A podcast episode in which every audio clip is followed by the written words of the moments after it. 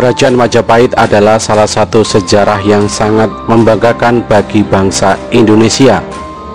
Kerajaan Majapahit adalah kerajaan besar dengan daerah kekuasaan dan pengaruh yang begitu luar biasa. Peninggalan kerajaan Majapahit pun tersebar di berbagai daerah dan masih bisa kita jumpai sampai saat ini. Jika melihat begitu besarnya kerajaan Majapahit, Tentu pendiri kerajaan Majapahit bukanlah orang yang biasa saja. Ia tentu adalah seorang yang memiliki kecerdasan dan kewibawaan, sehingga bisa mendirikan kerajaan besar dan memiliki sejarah panjang sampai saat ini.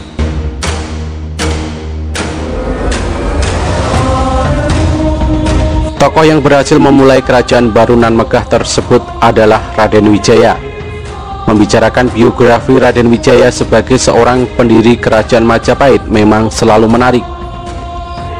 Kelihayan Raden Wijaya dalam berstrategi yang kemudian membawanya menjadi raja pertama Majapahit selalu menjadi perbincangan hangat.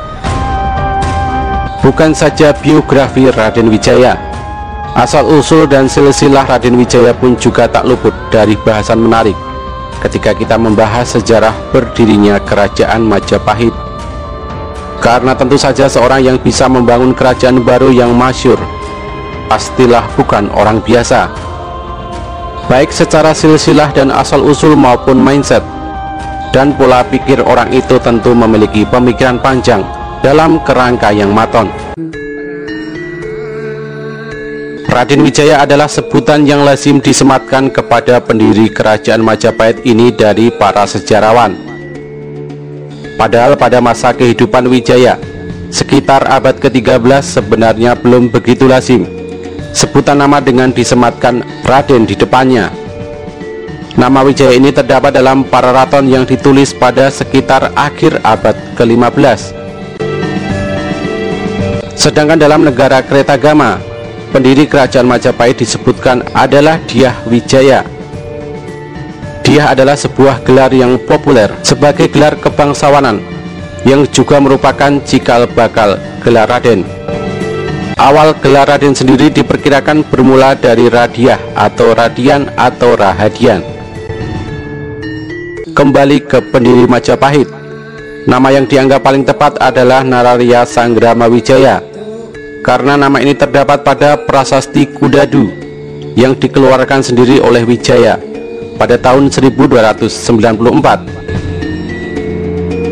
sedangkan asal-usul Raden Wijaya sendiri menurut para raton adalah merupakan putra dari Mahisa Cempaka yang merupakan pangeran dari Singosari Raden Wijaya sendiri dibesarkan di lingkungan istana kerajaan Singosari Sumber informasi mengenai asal-usul Raden Wijaya yang lain adalah berasal dari pustaka Raja-Raja Ibu Nusantara yang disusun oleh Kesultanan Cirebon dan termasuk naskah Wangsakerta.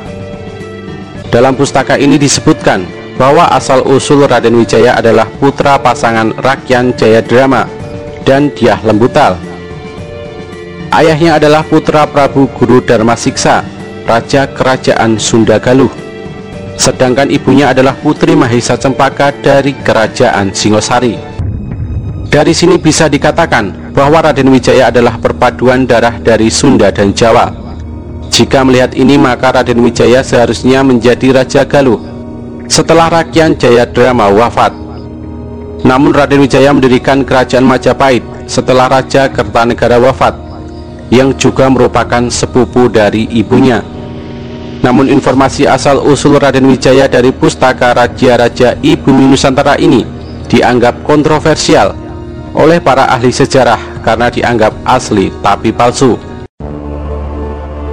Selain kedua sumber informasi di atas, ada lagi sumber berita terkait asal-usul Raden Wijaya dan silsilah Raden Wijaya, yaitu dari kisah di babat Tanah Jawi. Dari babat Tanah Jawi ini disebutkan bahwa pendiri kerajaan Majapahit memiliki nama Jaka Sesuruh yang merupakan putra Prabu Sri Pamekas yang merupakan raja kerajaan Pajajaran yang berada di daerah Sunda.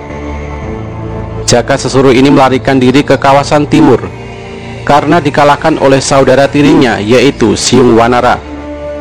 Dalam pelarian tersebut, kemudian ia mendirikan kerajaan baru dengan nama Kerajaan Majapahit yang kelak akan berbalik menumpas Siung Wanara.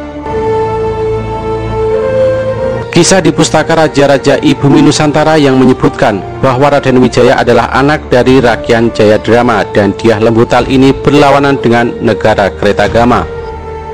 Di dalam negara Kretagama dikisahkan bahwa Lembutal adalah seorang pria putra dari Narasingamurti dan bahkan di dalam naskah ini memuji Lembutal sebagai seorang perwira Yuda yang gagah berani yang merupakan ayah dari Diah Wijaya sedangkan dalam catatan pustaka Raja-Raja Ibu Nusantara Lebutal dikisahkan merupakan pasangan atau istri dari Rakyan Jayadrama